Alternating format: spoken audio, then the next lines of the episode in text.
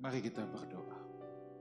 Kami datang kepada Bapa dengan hati yang lapar dan haus akan kebenaran firman. Bapa, mari kami mau membiarkan kebenaran firman-Mu mengubah atmosfer berpikir kami dan kami percaya juga akan mengubah akan kehidupan kami. Terima kasih. Roh Kudus, Kau Guru kami yang agung, biar Engkau saja yang leluasa mengajar di tengah-tengah kami. Hanya di dalam nama Tuhan Yesus kami berdoa. Amin. Shalom, Lifehouse Family. Senang lagi jumpa kita di acara Cell. Dan saya percaya bahwa pada malam hari ini kita kembali akan diberkati oleh kebenaran firman Tuhan. Buka hatimu lebar-lebar. Dan saya percaya ketika firman itu menerobosi hidup kita dan kita menerimanya uh, dengan rasa lapar dan haus dan membiarkan tanah hati kita dibajak, maka firman itu akan berbuah lebat. Tanpa panjang lebar lagi, saya undang sahabat saya, abang saya juga, Pastor Ruli Simorangkir. Please welcome. Thank you. Silakan. Thank you. Shalom, Lifehouse Family. Kita ketemu lagi dan hari ini saya mau bicara mengenai suatu topik yang kayaknya rada menarik deh saya kasih judul khotbah saya ini pertobatan orang saleh. Pertobatan orang saleh. Pertama-tama yuk kita baca dulu ayat firman Tuhan dalam Filipi 1 ayat 9 sampai 10. Ditulis sebagai berikut. Dan inilah doaku. Semoga kasihmu makin melimpah dalam pengetahuan yang benar dan dalam segala macam pengertian, sehingga kamu dapat memilih apa yang baik, supaya kamu suci dan tak bercacat menjelang hari Kristus. Ini doa yang menyentuh hati waktu saya baca hari ini. Kalimat lembut dan kebapaan yang ditulis oleh Rasul Paulus kepada jemaat di Filipi itu ingetin kepada kita semua bahwa ada suatu urgency, ada suatu kedaruratan yang harus terus-terusan kita tingkatin dalam hidup kita sebagai orang-orang yang saleh. Paulus dalam ayat yang tadi yang tadi barusan kita baca, dia bilang begini, semoga kasihmu makin melimpah. Bagaimana kasih itu bisa melimpah? Kasih yang di situ pakai kata agape, kasih itu di situ pakai kata agape, kasih yang berkualitas kali kasih ilahi. Kasih itu akan melimpah ketika kita mengetahui atau memiliki pengetahuan yang benar dan ketika kita memiliki segala macam pengertian yang sehat. Ketika kita memiliki pengetahuan yang benar, maka kasih kita akan bertumbuh dengan kasih yang makin bertumbuh itu, kita akan mampu memilih apa yang baik. Dan kemudian kita menjadi suci tak bercacat menjelang hari Kristus. Itu penekanannya. Nah jadi urgensinya atau kedaruratannya, kepentingannya adalah yang disampaikan oleh Rasul Paulus tadi, kedaruratannya adalah bahwa kita harus memiliki pengetahuan yang benar. Itu daruratnya. Kita harus cerdas dalam berbagai-bagai pengertian. Itu daruratnya. Kita nggak bisa punya iman yang berkualitas kalau kita nggak punya pengetahuan. Tuhan Yesus dalam Matius 13 ayat 23 menggambarkan bahwa orang yang beriman itu adalah seperti biji benih yang ditabur dan jatuh ke tanah yang subur. Nah orang yang, apa sih tanah yang subur? Biji yang Jatuh ke tanah yang subur itu menggambarkan apa? Menggambarkan orang yang mendengar firman dan mengerti. Kalau kita mengerti, kita cerdas, kita tahu, barulah kita bisa berbuah. Baru bisa 100 kali lipat, 60 kali lipat, 70 kali lipat, 30 kali lipat. Ketika kita pintar. Di, Hos, di Hosea dikatakan bahwa umatku binasa karena tidak berpengetahuan.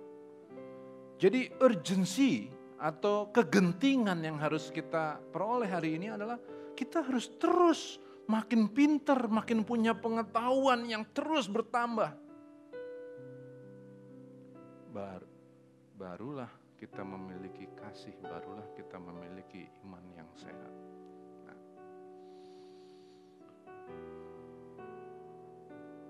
Sehingga dengan kata lain, orang yang saleh pun harus terus bertobat. Orang yang saleh harus terus tambah kualitas ilmu pengetahuannya. Di situ letak pertobatan orang saleh. Nah, kalau gitu kita ngomong dulu sedikit mengenai pertobatan. Saya membedakan ada dua tipe pertobatan. Yang pertama adalah pertobatan orang fasik dan kemudian ada pertobatan orang saleh. Pertobatan orang fasik itu seperti apa yang digambarkan dalam kisah Yunus.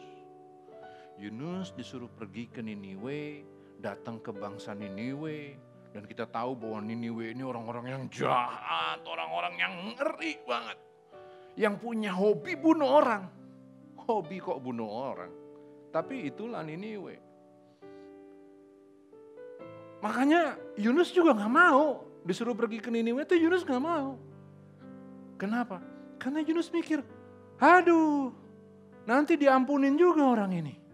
Orang yang begitu jahat menurut Yunus nggak pantas untuk diampunin. Jadi ngapain dia pergi ke situ? Nanti diampunin orang-orang ini. Orang-orang yang luar biasa jahat.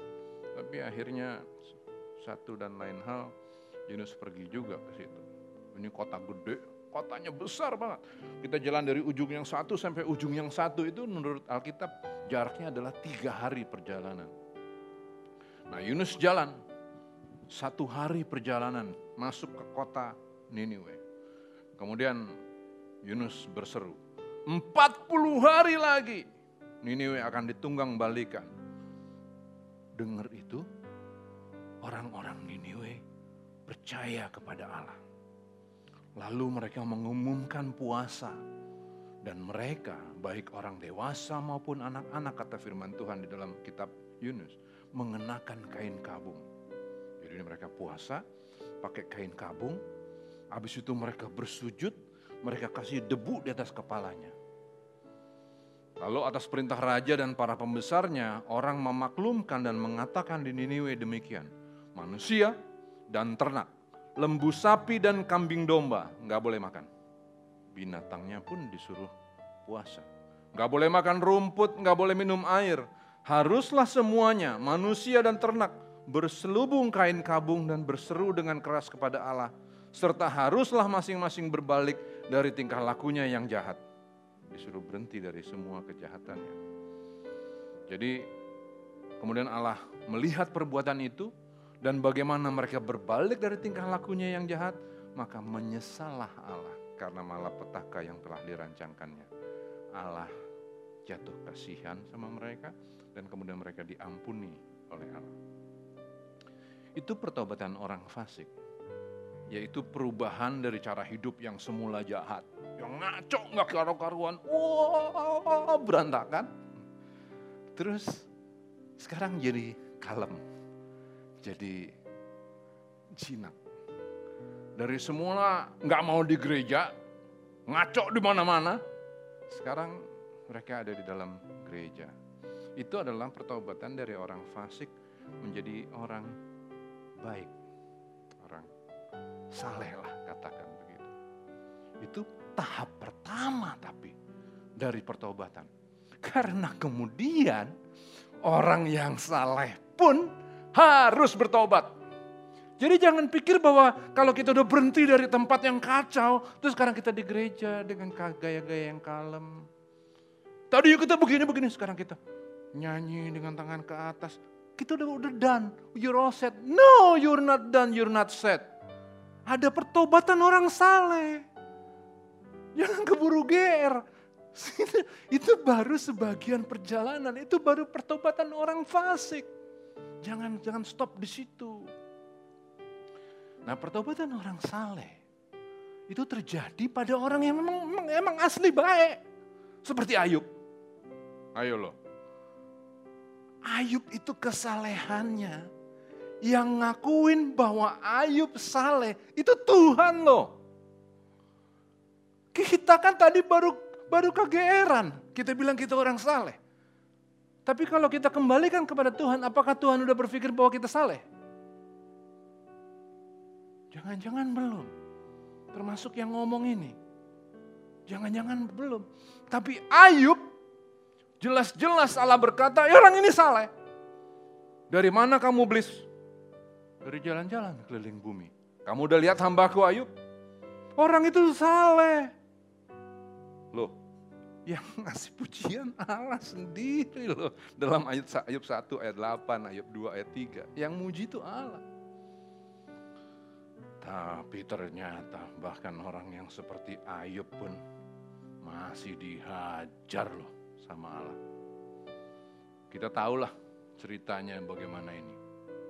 Pastor Wigan minggu lalu udah sempat jabarkan dengan tepat betul bagaimana Ayub ini dibentuk oleh Allah. Dikepuk banyak masalah.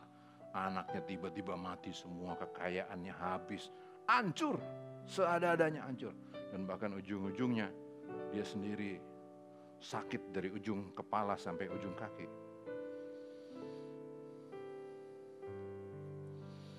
Dalam semua hajaran itu, Allah diam di tahtanya yang kudus, Allah diam.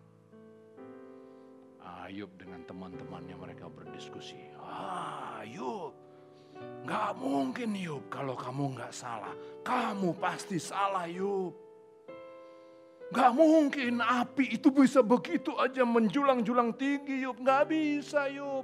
Kamu pasti ada salah. Ayub bilang, no aku gak salah kok. Aku gak salah. Cuman Allah aja yang sekarang udah gak mendekat kepada aku. Ayub bilang begitu loh. Lihat orang saleh. Lihat ya, lihat ya.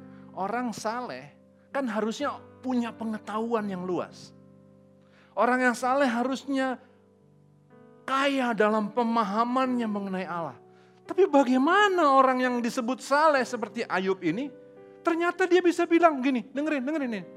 Seperti ketika aku mengalami masa remajaku, ketika Allah bergaul karib dengan aku di dalam kemahku, ketika yang maha kuasa masih beserta aku. Yub, mikir Yub, kapan Allah ninggalin manusia? Kapan Allah enggak adil? Allah itu mencintai manusia bukan karena manusianya suci loh. Allah mencintai manusia karena Allah memang mencintai manusia. Kok bisa-bisanya kamu yuk bisa mikir bahwa ketika Allah masih beserta aku. Hah? Yang begini-begini loh makanya Paulus tadi bilang, aku berdoa supaya kiranya kamu memiliki pengetahuan. Supaya kamu memiliki kasih yang asik. Ayub loh, bisa-bisanya berpikir ketika yang maha kuasa masih beserta aku. Orang saleh tapi pengetahuannya masih belum bagus. Karena itu harus bertobat. Pertobatan orang saleh itu bukan cuma bukan soal berhenti dari kejahatan, enggak, tapi bagaimana pemikirannya, pengetahuannya ditambah supaya mereka punya kasih yang agape kepada Allah. Itu itu pertobatan orang saleh. Nah, Ayub bilang, aku nggak salah. Cuman Allah aja yang meninggalkan aku. Please deh. Apa tuh kayak begitu? Kualitas apa kayak begitu? Allah diam. Di dalam tahtanya yang kudus dia diam. Dia dengerin aja. Ayub mau ngomong apa, sahabat-sahabatnya mau ngomong apa. Ngomong kamu situ. Oke. Lanjutin dulu, lanjutin dulu. Kamu dulu ngomong. 37 pasal mereka ngomong panjang pendek dari pasal 1 sampai pasal 30, enggak pasal 1 sih, udah pasal 3 dan selanjutnya. Ngomong itu isinya tuh isinya tuh adalah percakapan orang-orang hebat. Tapi kurang dalam hikmat, kurang dalam pengetahuan. Allah diam aja. Diam. Sesudah mereka berhenti ngomong, barulah kemudian di dalam badai. Wuh, aduh ini. Maka dalam badai Tuhan menjawab Ayub. Katanya, siapakah dia yang menggelapkan keputusan dengan perkataan-perkataan yang tidak berpengetahuan? Bersiaplah engkau lah, bersiaplah engkau sebagai laki-laki. Aku akan menanyai engkau supaya engkau memberitahu aku, supaya engkau memberitahu Allah. Di manakah engkau? Mulai pertanyaannya sekarang. Ya, jadi sekarang bersiaplah kamu sebagai laki-laki. Aku akan menanyai engkau. Sekarang masuk pertanyaannya. Di manakah engkau ketika aku meletakkan dasar bumi? Hmm? Ceritakanlah kalau engkau mempunyai pengertian Siapa yang menetapkan ukurannya? Nah lo, ceritain aja. Siapa yang telah merentangkan tali pengukur padanya? Atas apakah sendi-sendinya dilantak? Dan siapa yang memasang batu penjurunya pada waktu bintang-bintang fajar bersorak-sorak bersama-sama? Ayo kasih tahu. Bagaimana caranya bumi bisa bisa berotasi. Bumi itu di dalam tata surya dia punya posisi yang aneh. Jadi pertama posisi bumi itu enggak 90 derajat, tapi 22 setengah derajat. Jadi dia miring begini. Miring. Sambil miring, sambil dia jalan kelilingin matahari. Dia ambil miring, dia ambil jalan kelilingin matahari. 22 setengah derajatnya nggak berubah loh. Kok bisa? Coba jelasin, jelasin, jelasin, tolong jelasin. Allah bilang, kamu tahu kan? Dan dalam sudut 22 setengah derajat, bumi itu berotasi muter kencang. Tahu kecepatannya berapa? Satu juta kilometer per jam. Nggak nambah, nggak kurang. Gimana caranya bisa begitu? Ayo. Gimana caranya burung bisa terbang? Kasih tahu yuk. Nggak bisa kasih tahu kan? Si orang saleh pun perlu bertobat. Nah, kemudian saya juga baca dari kemarin saya sempat baca-baca buku ya. Ada satu tulisan yang ditulis sangat cerdas menurut saya. Luar biasa. Orang ini menganalisa begini. Oke, Ayub memang orang yang saleh. Tapi perhatikan apa yang dikatakan oleh iblis ketika ia berjumpa dengan Allah dalam pertemuan yang nantinya akan menentukan nasib Ayub. Terjadi pertemuan. Di dalam ayat Ayub yang pertama itu dikatakan bahwa Allah pada saat itu ada di sekelilingi dengan anak-anaknya dan kemudian iblis ada di hadapannya. Perhatiin apa kata Allah, kata iblis di situ. Dia berkata begini, "Iya Tuhan, Nanti tolong dibaca sendiri aja. Sekarang saya ceritakan aja. Iya Tuhan, jelas saja dia baik. Jelas saja dia saleh. Kenapa? Karena tanganmu memagari engkau, tanganmu memagari dia. Tangan Tuhan memagari dia. Nah, dalam kalimat itu, penulis tadi kemudian dia bilang begini, itu dakwaan saya ini lawyer jadi pakai katanya kata dakwaan nggak apa-apa ya. Dakwaannya iblis itu dakwaan yang cerdas. Kenapa? Karena iblis berkata begini, kesalehan, kesalehan karena perlindungan Tuhan, karena penjagaan Tuhan adalah kesalehan yang palsu. Ya dijaga, dilindungin ya jelas aja saleh. Tapi bagaimana kalau perlindungan Tuhan diangkat? Masih saleh juga enggak?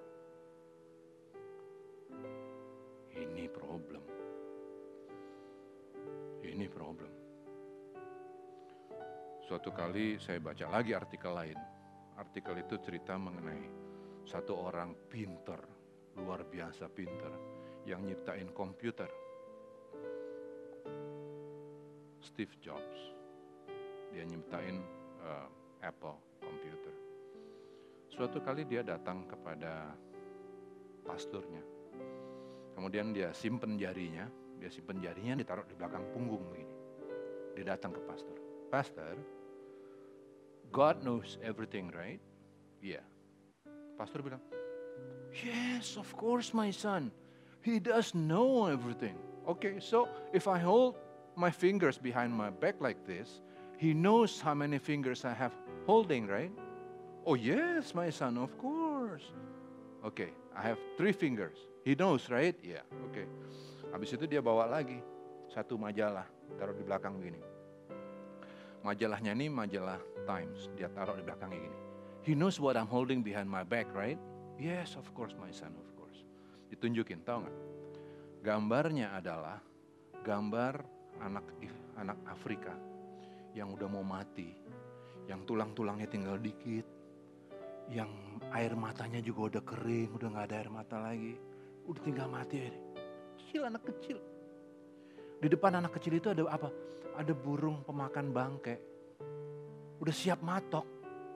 Begitu dia mati langsung dimakan tuh sama binatang-binatang, sama burung-burung pemakan bangke itu. Steve Jobs bilang begini, kalau Allah tahu bahwa anak-anak di Afrika itu akan mati seperti itu, dan tetap membiarkan anak-anak itu lahir di sana, maka Allah yang aku sembah adalah Allah yang jahat, kata Steve Jobs. Sejak itu dia berhenti jadi orang Kristen. Lihat, ketika ketika jadi tadi saya bicara begini, kesalehan yang terjadi karena perlindungan penyertaan Tuhan adalah kesalehan yang palsu. Itu yang didakwakan oleh si iblis. Palsu itu. Dan ternyata dalam kasus Steve Jobs dan banyak orang yang lain, memang ketika perlindungan Tuhan seolah-olah dilepas dan kemudian persoalan datang bertubi-tubi dalam hidup orang, orang berhenti percaya. Begitu kena COVID lagi kayak hari ini, tiba-tiba orang pada berlutut di jalanan.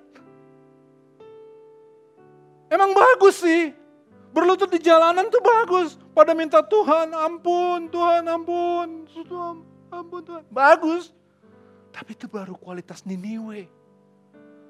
Itu baru sama seperti kualitas Niniwe. Nah Allah menghendaki, dia punya rencana. Waduh rencana dia bagus banget buat kita.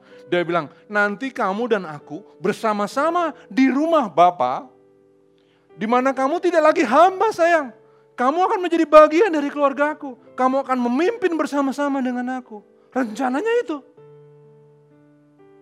Lah kalau rencananya seperti itu, sehebat itu, masa boleh sih kita pikirannya pendek, pengetahuannya kurang, hikmatnya nggak ada, nggak ngerti apa-apa, kita nggak bisa bedain antara pertobatan orang fasik dan pertobatan orang saleh. Kita nggak tahu bahwa sekalipun kita saleh, kita tetap harus terus bertumbuh dalam pengetahuan. Kita nggak ngerti. Kita pikir dengan begini, ampun Tuhan, Udah Tuhan happy. Iya Tuhan happy. Tapi dia pengen, dia punya rencana lebih dari itu. Makanya Ayub juga dihajar. Nah, ketika Ayub dihajar,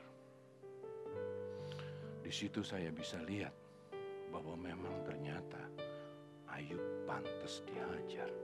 Kenapa? Karena tadi saya udah baca tuh Ayub 29 ayat 2 tadi sampai ayat yang ke-6. Sombong orang ini. Sombong ayo. Pertama sombongnya adalah karena dia bisa-bisanya mikir, kok kok dia bisa-bisanya mikir Allah nggak ada lagi sama dia. Habis itu tuh dia dia tuh sangat menikmati loh. Dia sangat menikmati jadi orang yang ter, ter, ter apa namanya terpandang di kampung itu. Ayat tujuhnya bilang begini, apabila aku keluar ke pintu gerbang kota dan menyediakan tempat dudukku di tengah-tengah lapangan. Maka ketika aku kelihatan, mundurlah orang-orang muda. Bahkan bangkit pula orang-orang yang sudah lanjut umurnya. Lalu berdiri. Itu dia happy loh. Dianggap terhormat. Dituakan buat dia jadi begini. Yes, That's me. Lihat, lihat, lihat, lihat. Sombong. Orang ini sombong. Waktu dihajar kelihatan kesombongannya. Dan dia nggak bisa, dia tuh nggak ngerti bahwa dia tuh sombong. Makanya pengetahuan itu penting banget untuk ditambahkan Hikmat itu penting banget untuk tambahkan. Kenapa? Karena kita nggak tahu loh perbedaan antara dituakan dan sombong. Kesombongan yang ada di balik dituakan itu. Kita nggak bisa bedain. Saya kasih contoh. Di salah satu tradisi orang Italia atau orang Batak ya yang pakai tortor tuh. Tortor itu orang Batak atau Itali? Itali lah ya. Itu cara tortor beda-beda, Pak. Kalau kalau kalau kalau kalau apa namanya dia sebagai ya yang kastanya rendahan, tortornya gini. Minta berkat. Orang-orang sekeliling dia akan ngasih berkat. Ini yang katanya lebih tinggi. Gitu. Kasih berkat.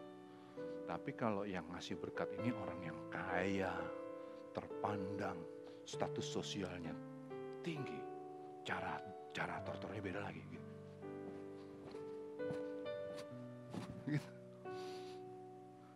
Itu itu susah loh bedainnya antara adat dan kesombongan yang timbul karena status sosial. Ya kita tujuannya memang mau memberkati, kita baik maksudnya. Tapi kan hati ini yang yang yang punya filter untuk mengetahui sebetulnya tarian kita ini lagi sombong nggak? Yang kita tampilin apa jam kita, merek jam, bau harum kita, merek jas kita, apa? Cuman kita yang tahu. Tapi kalau kita nggak punya pengetahuannya, kalau kita nggak punya pengertiannya, kita nggak bisa bedain itu. Kita pikir waktu kita lagi narik tortor, kita kita berkenan buat Tuhan. No, belum tentu. Nah kemudian setelah kita punya pengetahuan, Allah akan hajar lagi dengan persoalan. Tujuannya apa? Supaya kelihatan. Borok-boroknya kelihatan. Itulah yang terjadi sama Ayub. Boroknya kelihatan. Makanya dia bisa ngomong begitu. Ayub 29. Ya ilah saya baca itu saya pikir. Yub, Yub bagaimana sih Yub? Kok bisa begitu, begitu sih cara mikirin orang saleh? Bukan cuma Ayub, Pemasmur juga sama, mirip-mirip. Sempat ada kesalahan dalam cara pikirnya. Saya ambil salah satu contoh. Mazmur 13 ayat 1 sampai 2. Pemasmur tulis begini. Berapa lama lagi Tuhan kau lupakan aku terus menerus. Apa? Sewat. Si pemasmur menuding bahwa Tuhan melupakan dia. Oh, Waduh, jahat amat orang-orang ini ya. Berapa lama lagi kau sembunyikan wajahmu terhadap aku? Tuhan gak pernah melupakan, Tuhan gak pernah menyembunyikan wajahnya. Berapa lama lagi aku harus menaruh kekhawatiran dalam diriku dan bersedih hati sepanjang hari? Berapa lama lagi musuhku meninggikan diri atasku?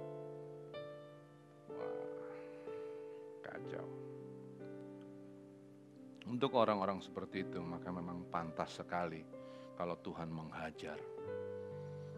Sekali lagi, tujuannya adalah untuk menunjukkan borok hal-hal yang masih keliru yang ada dalam hidup orang saleh. Dihajar nih. Puh, hajar habis. Tuhan nanya, bersiaplah engkau sebagai laki-laki, aku akan menanyai engkau setelah dihajar dengan banyak pertanyaan-pertanyaan yang seperti itu, akhirnya Ayub bilang begini.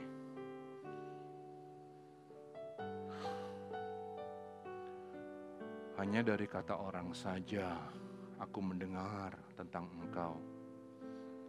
Tetapi sekarang mataku sendiri memandang engkau. Maaf Tuhan, aku mencabut segala perkataanku. Seru ya? Ini orang-orang saleh. Tapi ternyata untuk memerintah bersama-sama dengan Allah dalam kerajaannya yang kekal. Itu nggak cukup sekedar menjadi orang-orang saleh. Allah butuh orang-orang yang cerdas, berpengetahuan luas dalam segala sesuatu, segala sesuatu berpengetahuan luas, cerdas, mampu mengambil keputusan-keputusan yang cerdas, yang dasarnya bukan kepentingan diri, yang dasarnya selalu mengutamakan Tuhan, yang borok-boroknya udah ketahuan semua, udah dipulihkan, baru mati masuk memerintah bersama-sama dengan Allah. Kalau kita cuma berhenti dari kejahatan terus tiba-tiba ada di gereja, terus kita tiba-tiba ngerasa bahwa kita udah pantas masuk masuk jadi anggota keluarga kerajaan, tar dulu. Tar dulu. Kualitasnya kalau cuma seperti itu nggak beda jauh sama Niniwe.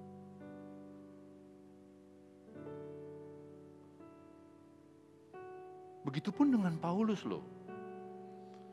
Begitupun dengan Paulus loh. Dia ini orang yang baik. Dari nolnya dia udah orang baik. Pengetahuannya luas banget. Pengetahuannya tentang firman Tuhan tuh jauh lebih luas dari orang-orang yang hidup di zaman itu bisa dibilang. Oke gini deh, dia itu pengetahuan firman Tuhannya jauh lebih hebat daripada murid-murid. Dia imam. Murid-murid bukan imam.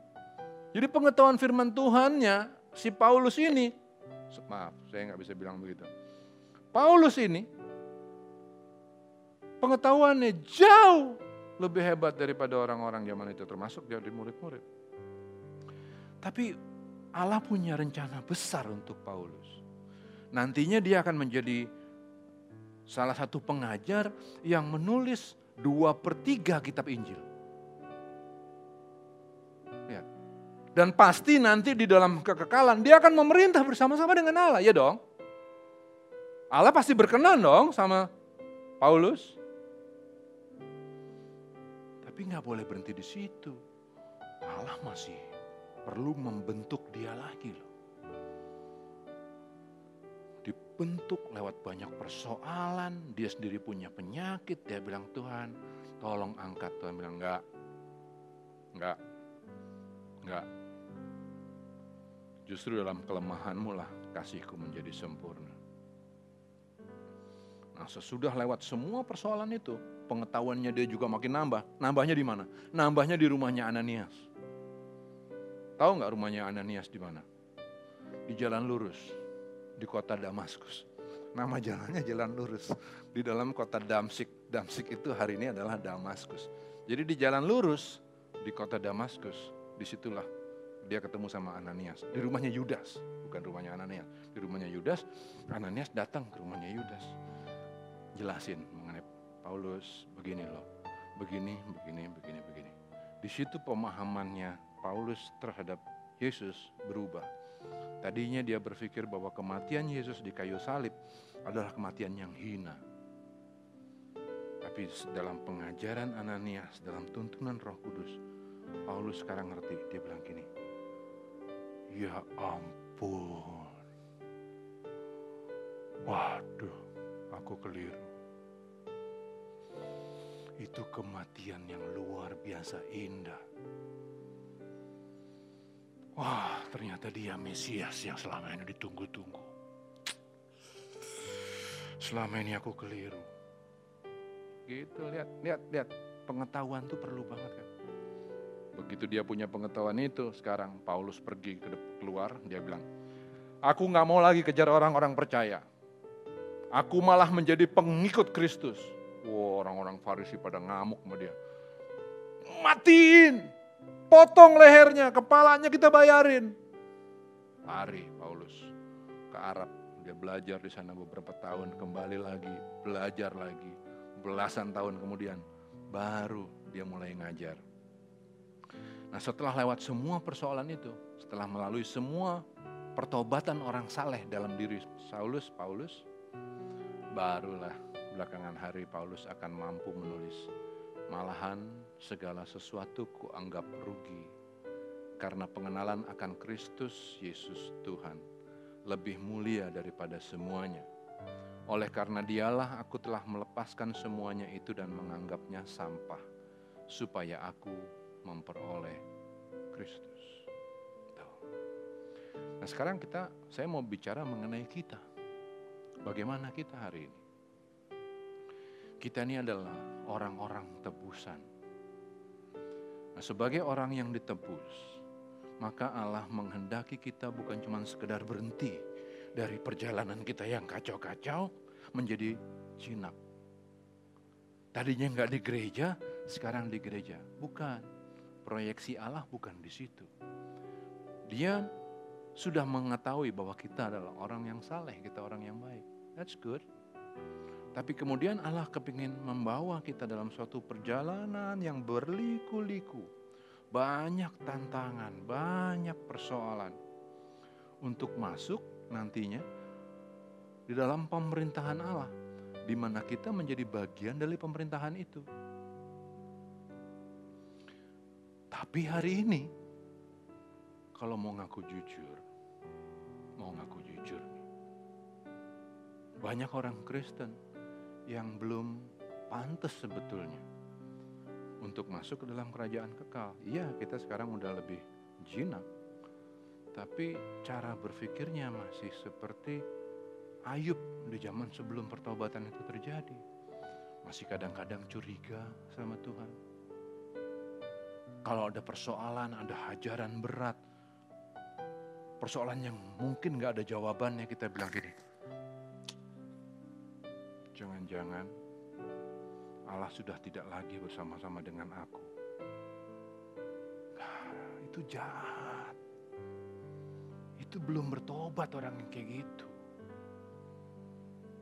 Itu masih mikirin diri sendiri itu kalau masih kayak gitu.